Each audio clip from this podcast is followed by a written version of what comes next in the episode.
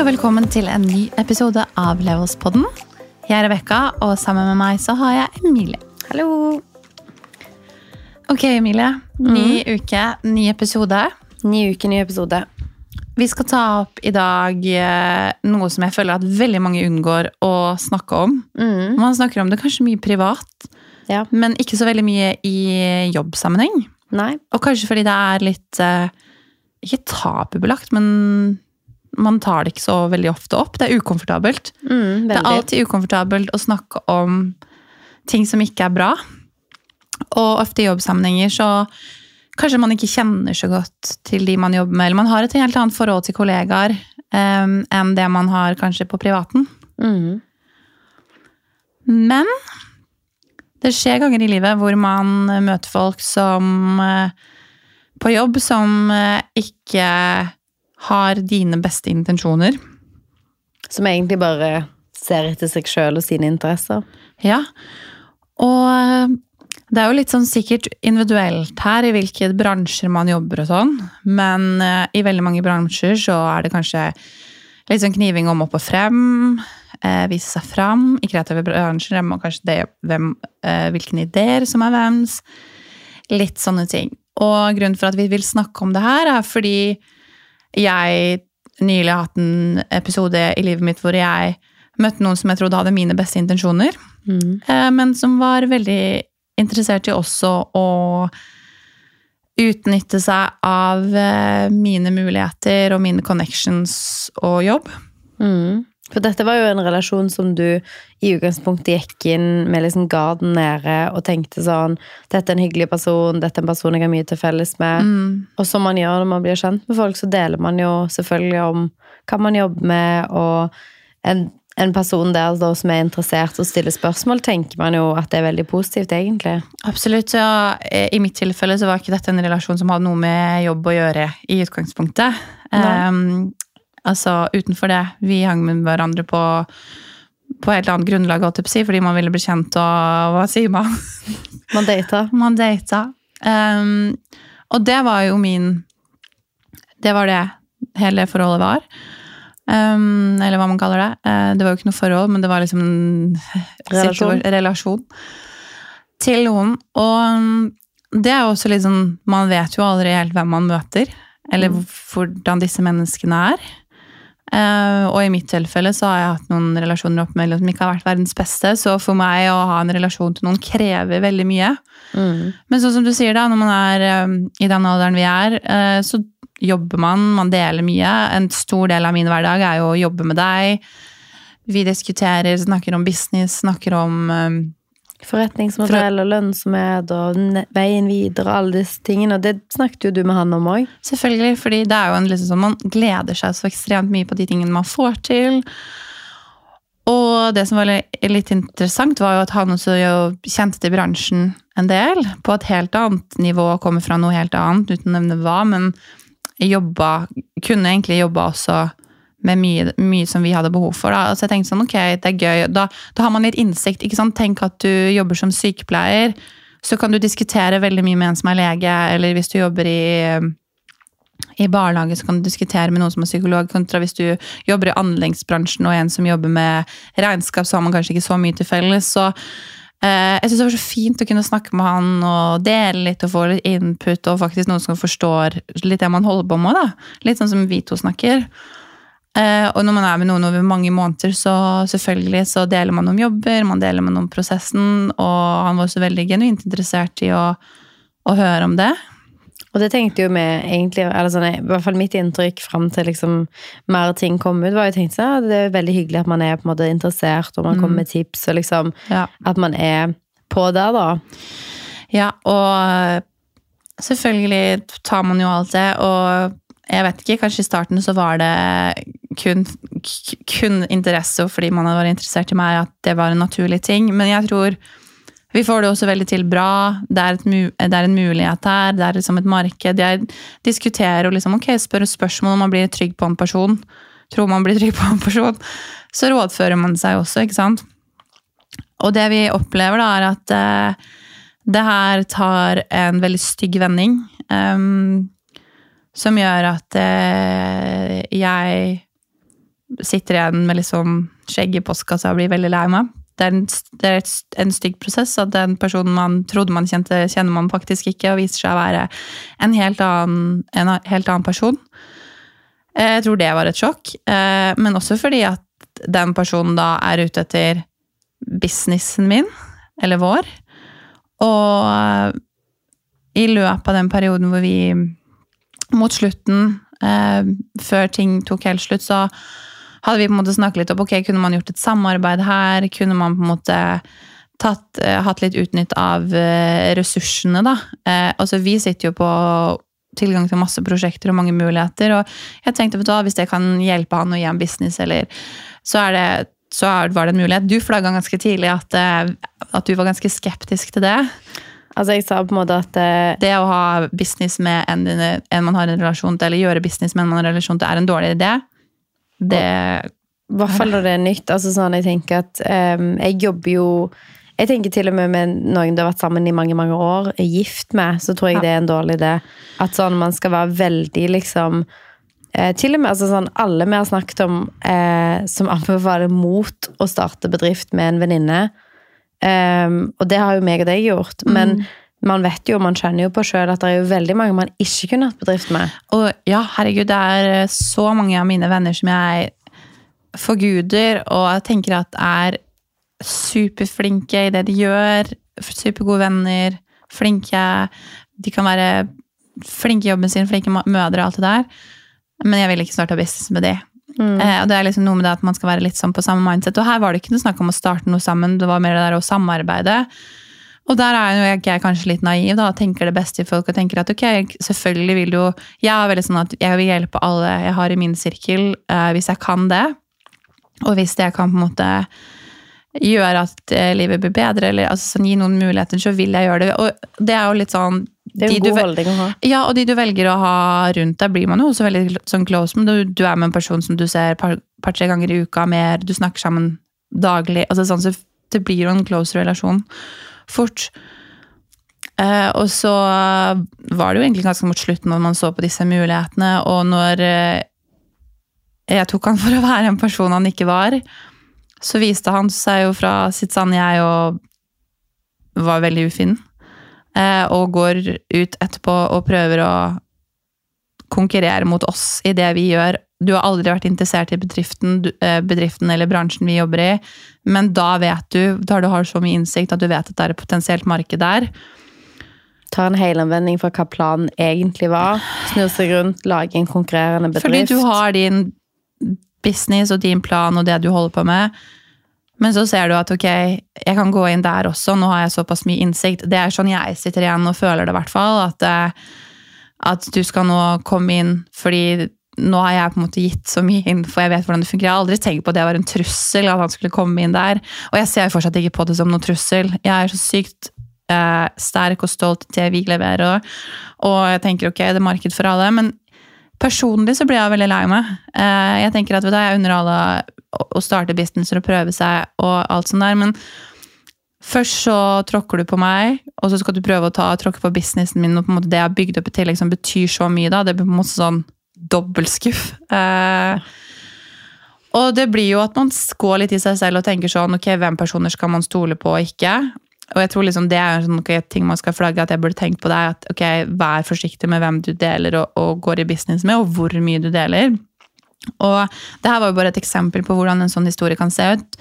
Jeg håper at jeg bare har vært veldig uheldig, og jeg tror at de fleste personer ikke, ikke gjør det. Og jeg, jeg vet ikke om hans intensjon var på en måte å konkret gå inn og ødelegge for meg. Det tror jeg ikke. Det var kanskje mer ok, jeg går inn og ser en mulighet som han også kunne ta. Men jeg tenker at sånn eh, Hvor mye skal du drite deg ut? Um, Men også sånn, her òg er det jo en person som aktivt har tatt kontakt med våre kunder. mm, um, og lagt det fram på en måte som viser til at han har tatt over kunderelasjonen og går inn og gjør en del ting som setter liksom spørsmålstegn på hva om Skal vi være leverandøren i framtiden? Skal noen andre være det? mm, Uh, og jeg tror liksom hele situasjonen i sin helhet setter jo litt lys på det som vi i hvert fall føler kanskje ikke ofte snakkes om, og det er det med at får man mye ting til, er man, tar man stor plass og man liksom snakker om de tingene man har fått til, så vil det jo òg være folk som kommer inn i møte med deg som gjerne ønsker andre ting,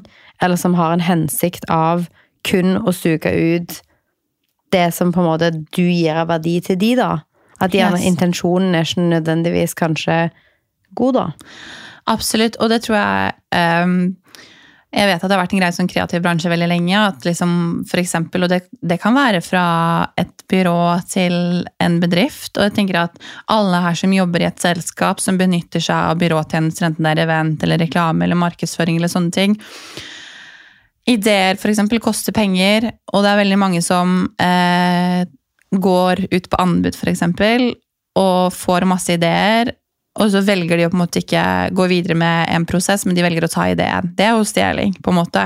Det er en superkjip opplevelse for de som sitter i byrået sitt. Jeg har selv opplevd det. Jeg opplever jo at det skjer mer og mer mindre, at man er mer åpen, at, folk spiller mer med åpne kort. Jeg hører at det har vært en bransjegreie, kreativ bransje lenge.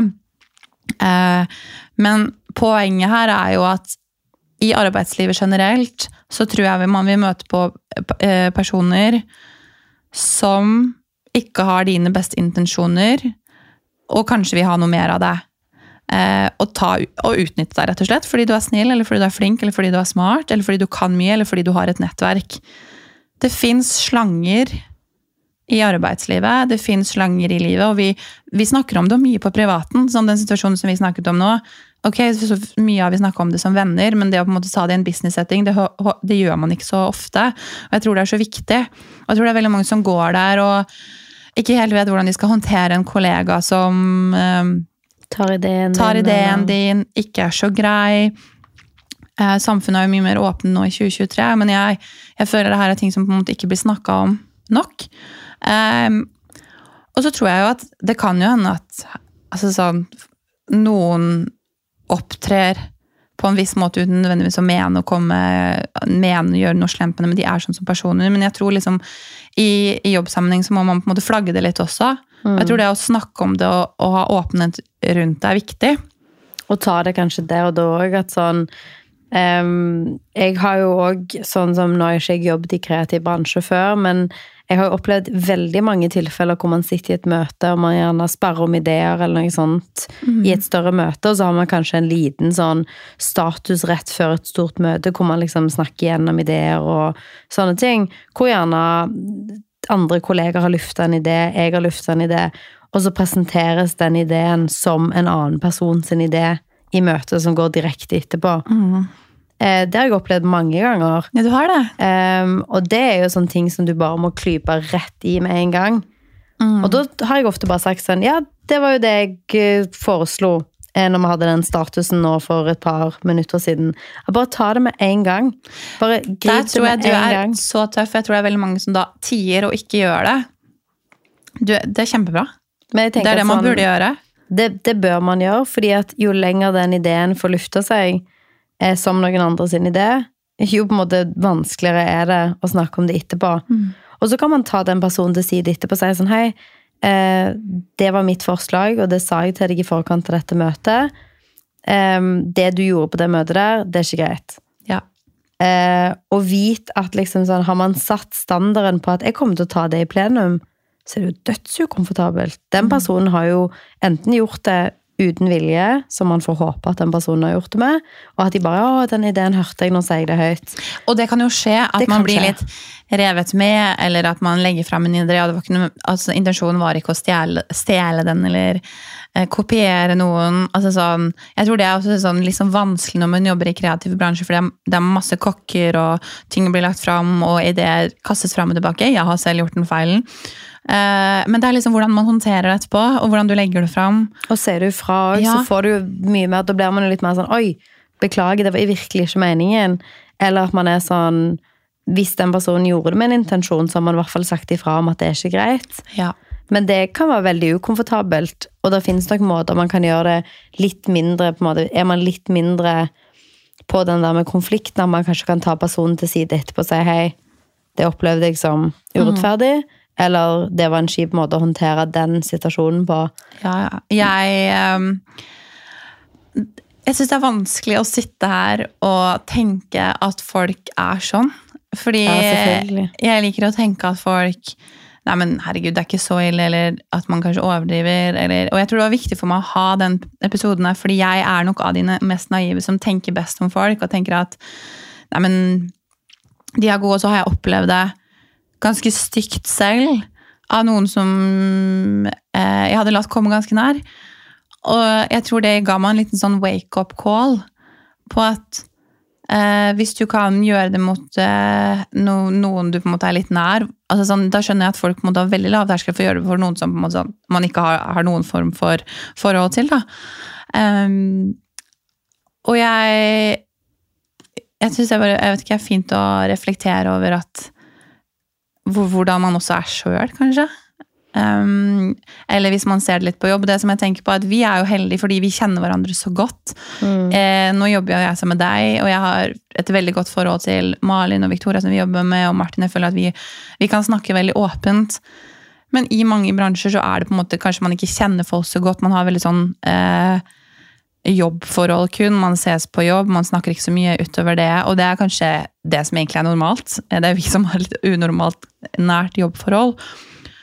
Hvordan tenker du at man kan adressere det hvis man opplever urettferdighet, eller opplever at noen ikke gjør jobben sin, eller stikker kjepper i hjulene for deg? Da? Hva, skal man gjøre? Eh, Det er mange måter man kan på en måte adressere det på, men jeg tror liksom det å Hvis man merker seg noen, da, ser at man er i en større avdeling og man har ikke den relasjonen som gjerne vi har på kontoret, eh, og man merker at det er noen som gjør det litt, kanskje mindre, større ideer, at man på en måte liksom tar litt credit for det andre har gjort, at man gjerne dropper kanskje de statusene. At man liksom Vet du hva, nei, du, jeg har ikke tid, jeg skal gjøre ferdig sånn og sånn, men vi snakkes i møte. Og istedenfor å dele de ideene i forkant, sånn at den personen har muligheten til å ta det med videre, så er man bare helt stille, sitter stille i båten, og så kan man nevne sine egne ideer i møte heller. Og det skal man ikke, det skal ikke være behov for at man må gate seg mot at andre Nei. men det tenker jeg, hvis du har opplevd det mange ganger, kanskje med en person, så gjør det. Um, jeg har òg opplevd liksom tidligere at eh, ledere eller prosjektledere eller folk rundt som gjerne utad har eh, virka som de var mer involvert i en prosess enn de kanskje er.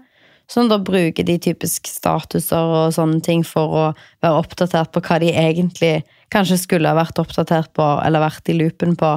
Og det òg er jo sånne ting som man på en måte kan flagge på en måte. Gjerne har man én-til-én-samtaler med en prosjektleder eller med lederen sin og være litt sånn Du, um, vi står begge som ressurser på dette prosjektet, og jeg trenger virkelig at du tar lead på denne eller denne tingen.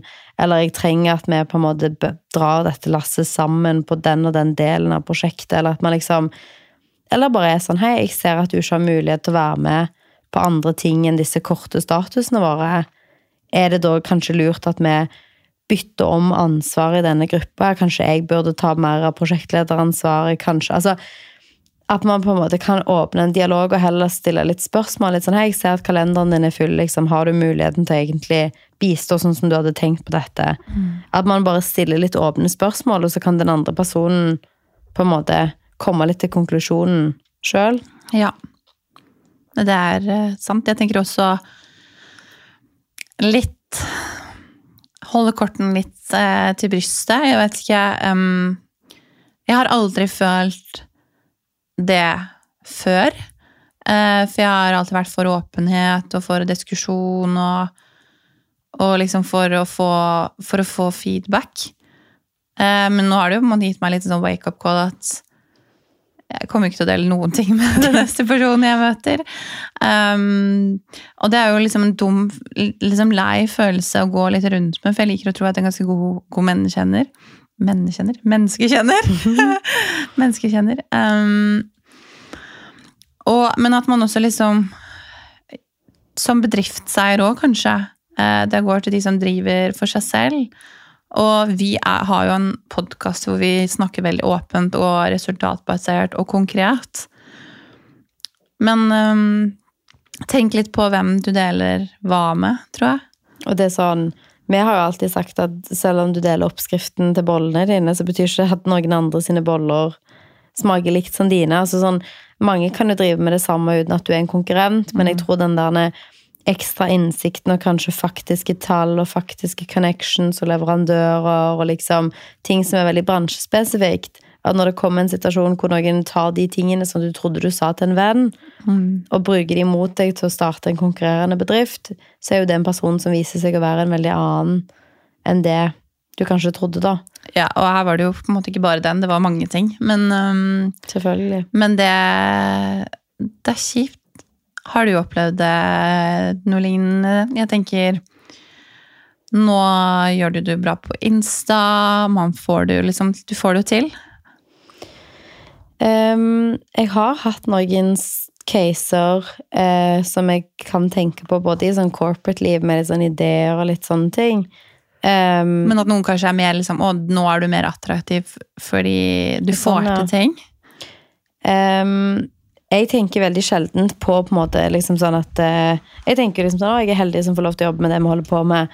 Og tenker veldig sjelden på sånn, å, vi har en podkast eller vi har et selskap eller sånne sånne ting. Eh, og så har jeg veldig Jeg har jo de samme vennene som jeg alltid på en måte har hatt. Men jeg har hatt noen caser på Instagram blant annet som var som gikk ganske langt. Og det vet jeg det er mange som driver med innholdsproduksjon. At eh, mye av det med å ha en Instagram, ha innhold, lage Ja. innhold, lage I hvert fall for meg som interiørdesigner i tillegg.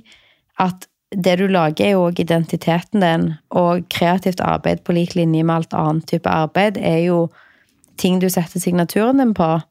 Eh, og jeg ser jo veldig mye i interiørdelen spesifikt at folk kanskje henter 100% inspirasjon fra følgere eller fra folk som lager helt likt innhold, f.eks. i Sverige. da. Så har du en norsk konto som egentlig har kjøpt alt denne personen har i Danmark, og lagt helt likt hjem. Samme fargekoder, samme oppsett, samme alt. Samme bildestil, samme redigeringsfilter. Du hadde jo et tilfelle med det, var det i fjor? Ja. Hvor Eh, noen lagde en profil og kopierte din leilighet. Det var jo faktisk samme leilighet òg. Eh, hvor det var helt identisk, og det var en skikkelig kjip situasjon. Det er jo en kjip situasjon fordi at du har bygd opp en relasjon til samarbeidspartnere, til sponsorer, Mm. du selger annonseinnhold, du lager innhold.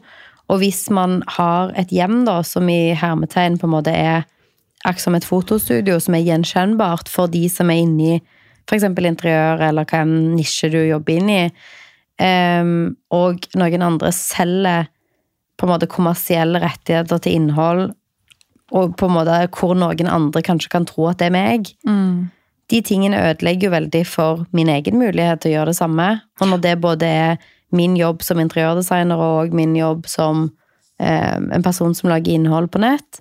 Og det har skjedd flere ganger eh, hvor man på en måte ja, kanskje får meldinger fra folk som følger deg, hvor det er sånn Hei, jeg så denne personen eh, poste innholdet ditt uten kreditering, eller bruke dine, ditt innhold i eh, annonser til å selge ting direkte, linke til ting.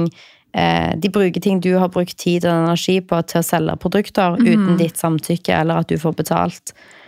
Um, og jeg vet veldig mange som driver med det samme som meg, som har vært i caser hvor de på en måte eksempel har folk som har totalkopiert hele leiligheter, hus, rom, alt, uten at man anerkjenner. For det er helt ok å bli inspirert, og det er helt ok å være på en måte en person som er sånn Åh, jeg elsker den, eh, det huset som du tegnte, så jeg tegnte et likt. Det er helt Ja. greit, men jeg tror eh, hvis man da har som mål å, å leve av det å skape innhold og være en eh, interiørinfluenser, eksempel, så må man da òg anerkjenne at dette er noe som jeg bor i, men inspirasjonen kommer herfra. Og det på en måte gitt at man ikke er klar over at man har kopiert noen, men hvis man er klar over det, og hvis man har henta inspirasjon, så del på en måte hvor den inspirasjonen kommer fra, for å være klar med de folkene som da på en måte hører på, da. Nei, det er sant. Eh, og så tror jeg det er liksom vanskelig kanskje å ta opp også kanskje spesielt jobbsammenheng, da, hvis man jobber på, eh, på et sted hvor man opplever um, at noen er uærlig eller har ikke gode intensjoner. Um, jeg tror også kanskje bare ville flagge det, hvis det har pågått over tid, til uh, en sjef eller til en leder, eller prøvd å, å spørre den personen om, om det var et eller annet. Mm. Fordi det første tenker jeg sånn, ok, gi personen muligheten til å snakke for seg selv, eller altså sånn, kanskje man ikke er klar over det. Mm. Um, eller så må man gå på en måte si hvordan man opplever situasjonen. Og jeg skjønner at det også kan være vanskelig å gjøre, men man må beskytte seg selv litt. Ja, og stå for de tingene som man har produsert. At sånn eh, Om det er eh, Om du er interiørdesigner, om du er prosjektleder, om du er, driver med innholdsproduksjon, om du er gründer, du har din egen merkevare Uavhengig av hva det er, prøv å liksom sånn Møter du i de situasjonene når du ser noen som på en måte har en, en feil intensjon, angrip det, si fra. I de situasjonene jeg har opplevd det, så har jeg jo tatt det med en gang og sagt veldig tydelig ifra. Og vært sånn 'Dette er ikke greit'. Jeg, jeg er helt enig. Jeg har også en veldig jeg ikke, morsom historie, det kan jeg ikke kalle det, men en interessant historie hvor eh, vi snakker jo liksom om det å ha flere hatter. Mm. Og som gründer så har man jo mange hatter, og jeg føler at jeg har vært en person som har hatt det egentlig hele livet. Jeg har alltid holdt på med flere ting parallelt. Mm. Hvor um, jeg har vært ute på jobb og vært i gåseøyne bare én ting.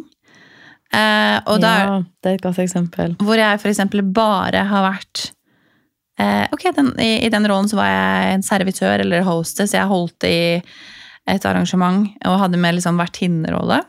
Jeg hadde også planlagt hele og gjort hele, og det var, det var i det her var i fjor, faktisk. Jeg kan bruke den eksempelet. Jeg har mange av disse. Mm. Eh, hvor eh, vi var eh, hadde, hadde arrangement for masse sånn Det var masse branding, det var, altså det var stor ting. Og så var det en liten, masse elementer, og så var det en liten rolle hvor vi ikke fikk noen til å liksom ta den vertinnerollen.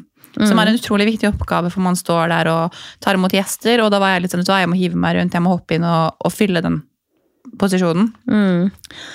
Det som var veldig interessant, var at det her var et sånt typ topplederarrangement hvor eh, veldig mange toppledere var, og jeg kjente noen som var til stede på det, det arrangementet. Eh, hvor det var en av gjestene som hadde vært veldig sånn Jeg vil ikke kalle det ufin, men litt sånn eh, Neden, eller, Ikke nedlatende, men det skulle være litt sånn Ja, fordi ja, for du er jo, du er jo bare vertinne her. Liksom du, ja, hva skal vi referere til deg sånn? Ikke servitør? Sånn, litt sånn her, fordi Litt sånn her, ok, for du er bare det. Kanskje hun ikke mente det sånn, men jeg var bare sånn, ok, liksom, jeg, ja, greit, jeg er bare en vertinne. Jeg Don't mind me. Um, Og så sitter du der og har planlagt hele greiene og er ansatt av deg sjøl og har ansatt Ja, men det er sånn, ok, jeg har ikke noe behov for å si altså, sånn, vet du hva, Ja, jeg var der, jeg var en Martine. jeg skal gjøre jobben min, jeg skal opptre, være hyggelig og sånn. Uh, jeg, har noe, liksom, jeg har ikke noe å si på det. Det var liksom litt sånn nedverdig måte å si det på, så jeg husker at jeg hang meg litt opp i det, men jobben går videre, jeg bryr meg ikke. Litt senere så kommer en som jeg kjenner og har vært en kollega tidligere, eh, som da er veldig god venn med denne personen, som har snakka litt nedtalt til meg tidligere på kvelden når jeg kunne ha vært en vertinne. Eh, og sier sånn Ja, men Rebekka, herregud, har du møtt Rebekka? Rebekka har jo podkast, driver tre selskaper. Og jeg så at det fjeset til den dama ble bare helt grått. Fordi, og da var hun veldig interessert i å snakke med meg og høre mye. skjønner du hva jeg mener? Men når jeg har prøvd å snakke til henne tidlig på kvelden, så var jeg ingenting.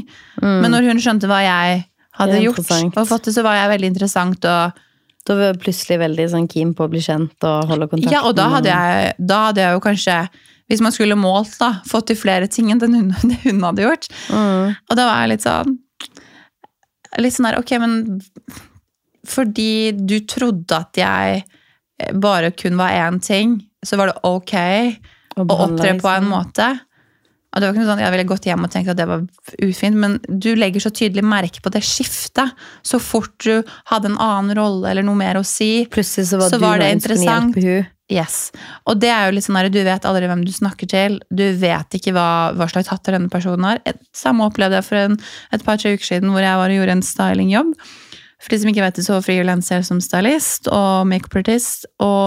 I vårt selskap. i vårt selskap og hadde, var ute på en jobb.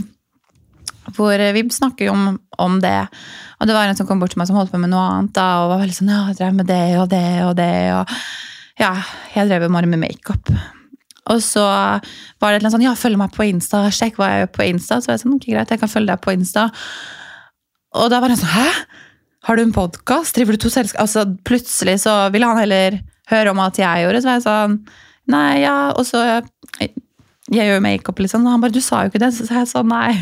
Du spurte ikke. Eh, nei, det var ikke at du ikke spurte heller, men det var liksom sånn derre Det er bare måten, skjønner du hva jeg mener? For at Mm. det var ikke interessant. Altså, vi hadde jo en dialog, og det var, det var ikke det der. Men da var det plutselig veldig interessant. Og det som, det, jeg var jo ikke noe annerledes mot han når jeg Han visste kun at jeg var en makeupartist, kontra når jeg hadde alt det her. Men for han så ble jeg plutselig mye mer attraktiv, og jeg tenker at hvordan folk har en approach til deg, um, sier jo litt om kanskje intensjonene de har. Veldig. Og det Jeg syns det er kjipt når man opplever det sånn, fordi jeg tenker jo at han burde jo fortsette å snakke om seg selv og vært likegyldig, egentlig, da. Eh, Og ikke at det ikke er interessant det man gjør, men da, på det tidspunktet så var det liksom et skift. Han bare sånn ja, 'Du har dere gjester på podkasten? Altså sånn, du ville ha noe av meg. Ja, sant. Ehm, og da var jeg sånn, ok, nå er du bare interessert fordi du kan få noe mer ut av det. Så Det der er sykt interessant å se det skiftet. da. Det er liksom gøy å bare sitte stille i båten og bare merke endringen. For når du sa det, så kom jeg på flere situasjoner kom opp i hodet mitt når du snakket. For da var jeg sånn, jeg var på Viksen for noen år siden. Eh, og hvis jeg er på arrangement eller på event eller på en eller annen sånn pressebrunsj eller showroom eller sånn, så snakker jeg nesten Eller jeg snakker aldri om på en måte noen av disse tingene. Nevner aldri at jeg har selskap, snakker aldri om Instagram. Ingen sånne ting. Jeg bare smalltalk og, og snakker, liksom kommer inn på et tema, så snakker jeg jo om det temaet, men jeg pleier aldri å snakke om meg sjøl eller de tingene. Eh, ikke sånn veldig bevisst, men jeg tenker bare det Ja. Time Ja. and place, tenker jeg. ja, ja, ja. Eh, så sto jeg og snakket med noen som jeg aldri hadde møtt før, som hadde litt den holdningen. Litt sånn der Ja, ja, men jeg driver en interiørkonto på Instagram og får masse sponsor og masse greier og har liksom skikkelig blow-up og blitt reposta masse steder og hadde en sak i VG og liksom sånn En person som nesten på inn- og utpust i 30-40 minutter hadde snakket om seg sjøl, da. ja. Eh, og så liksom eh, var jeg bare sånn, ah, gøy liksom, og, og hun bare sånn, ja, du må jo du må følge meg, sier hun. ja. Så jeg bare, ja, ok, liksom. Så går jeg inn liksom og Ja. ser. Og så eh, begynner jeg å følge henne da. ja. Og da var det liksom sånn, jeg lurer på om den personen hadde 4200 følgere eller noe sånt. ja. Ehm, eller, ja, et eller annet sted i der da. ja. Ehm, og den personen var bare sånn Hæ, har du 75 000 følgere? Så sa jeg sånn, ja, på det tidspunktet så hadde jeg det. Og så tenker jeg sånn Den holdningen, spesielt kanskje når man er i sånne rom som Vixen og sånne plasser som det er, ja. hvor det er veldig mange folk som Ja. kanskje har lyst til å snakke om hva de har fått til eller gjort, eller hva Ja. enn det er, ja. så er det så interessant å se hvor mye hun skifta mot meg etterpå. Ja, for da var det liksom du plutselig Da var det sånn, å, vi må ta bilde sammen, du må Ja, tagge ja. meg, du må legge det ut sånn og sånn og sånn. Og da tenkte jeg sånn, det der er ikke jeg interessert i. Sånn, ikke fordi at det er liksom sånn, jeg bare fikk et inntrykket da var jo at, ok, jeg var en person som ikke var interessant, før du visste disse tingene om meg, og da kunne jeg hjelpe deg med noe. mm. Og den, det er jo liksom sånn, når man ser gjerne den personen sine farger da, Mm. så bør man høre på det, og så liksom styre accordingly, act accordingly Ja, ja, ja. at ja, når sånne type intensjoner kommer fram, så må man være litt på vakt. Det er faktisk sant. Men har du noen eh, avsluttende visdomsord på det med slanger og kan man kalle det ugress i livet? Eh, Ja, det er veldig gøy at du spør, for jeg satt nå og prøvde å finne den personen som jeg møtte. Eh, Jeg husker, jeg husker så sykt godt. eh, Tidlig i prosessen så posta han en meme, eller en quote på Instagram, som var sånn Jeg prøver å finne det quotet, men jeg finner ikke. Men det var noe sånn eh, do, you, do you need to know um, uh, Do you need the snake, snake to bite you? To know that it's a snake? Eller liksom et eller annet sånn derre Watch out for snakes. Så sånn Den kom fort tilbake og beina. den, den. eh, den smalt sånn derre Og det er kanskje også litt sånn um, tegn, da, at liksom folk som skal være veldig sånn Å, jeg er snill, og jeg er god. Jeg, altså sånn Jeg trenger Jeg ikke å si backer at andre jeg folk, jeg backer Ja, og poster det, liksom. Så sånn Good, det er bra, det, men er ikke det sånn Of course. Du, det er forventa at du er snill og god og ikke er en snake og bite back. Men jeg tror personer som er veldig sånn her Nei, men jeg, jeg er en good guy, og jeg er snill og Men er du virkelig det, da? Hvis du trenger å på en måte flagge Flagge det hele tiden. det. Ja, det er så, sant. Så det er, et, det er et quote her da, nå som vi er inne på slangere-quote. Mm. Never let the snake, same snake bite, bite you twice. Så er snake quotes, men jeg tror sykt bra å på en måte løfte fram et tema som man gjerne ikke snakker så mye om. ja. Være obs på liksom folk man møter med gjerne intensjoner som ikke er helt gode.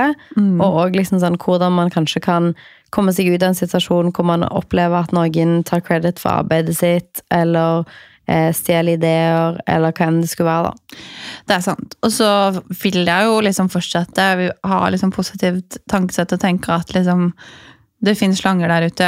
De fleste er ikke det. De fleste vil det godt. Men selvfølgelig, man kommer ut for én eller flere, um, så er det liksom greit å, å passe litt på, da. Og spesielt når du begynner å få til ting. Spesielt når eh, du har ting som kanskje flere vil ha. Eh, det er beundringsverdig. Vi har sett eksempler, du har sett det, Emilie, jeg har sett det. Jeg tror det er flere som kan kjenne seg igjen i det. Mm. Jeg Um, så et quote hvor det sto at det, det er enklere for kundene dine til å bli vennene dine, enn vennene dine til å bli kundene dine. Mm. Det var på en sånn eh, greie på Instagram. Og at jeg har også hørt en annen podkast som sier det at når de begynte å selge produkter, så var det alltid liksom sånn eh, Det var noen altså venner som bare 'Å, jeg booker med en gang, kjøper med en gang', og støtter og backer og, og full pakke. Mm. Um, og så var det alltid noen som liksom aldri egentlig anerkjente eller kommenterte det Mm. før det skikkelig hadde blitt stort. Mm. Og da sendte de kanskje en melding sånn Hei, kan jeg få rabatt?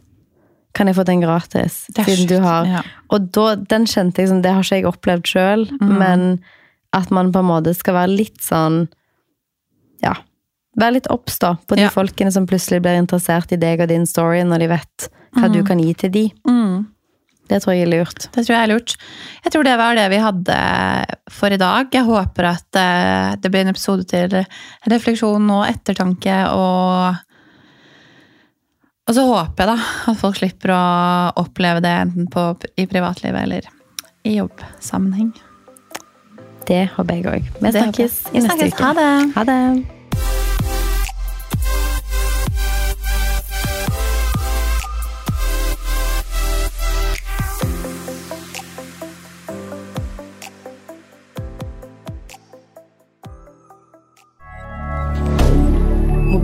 hebdomadaire.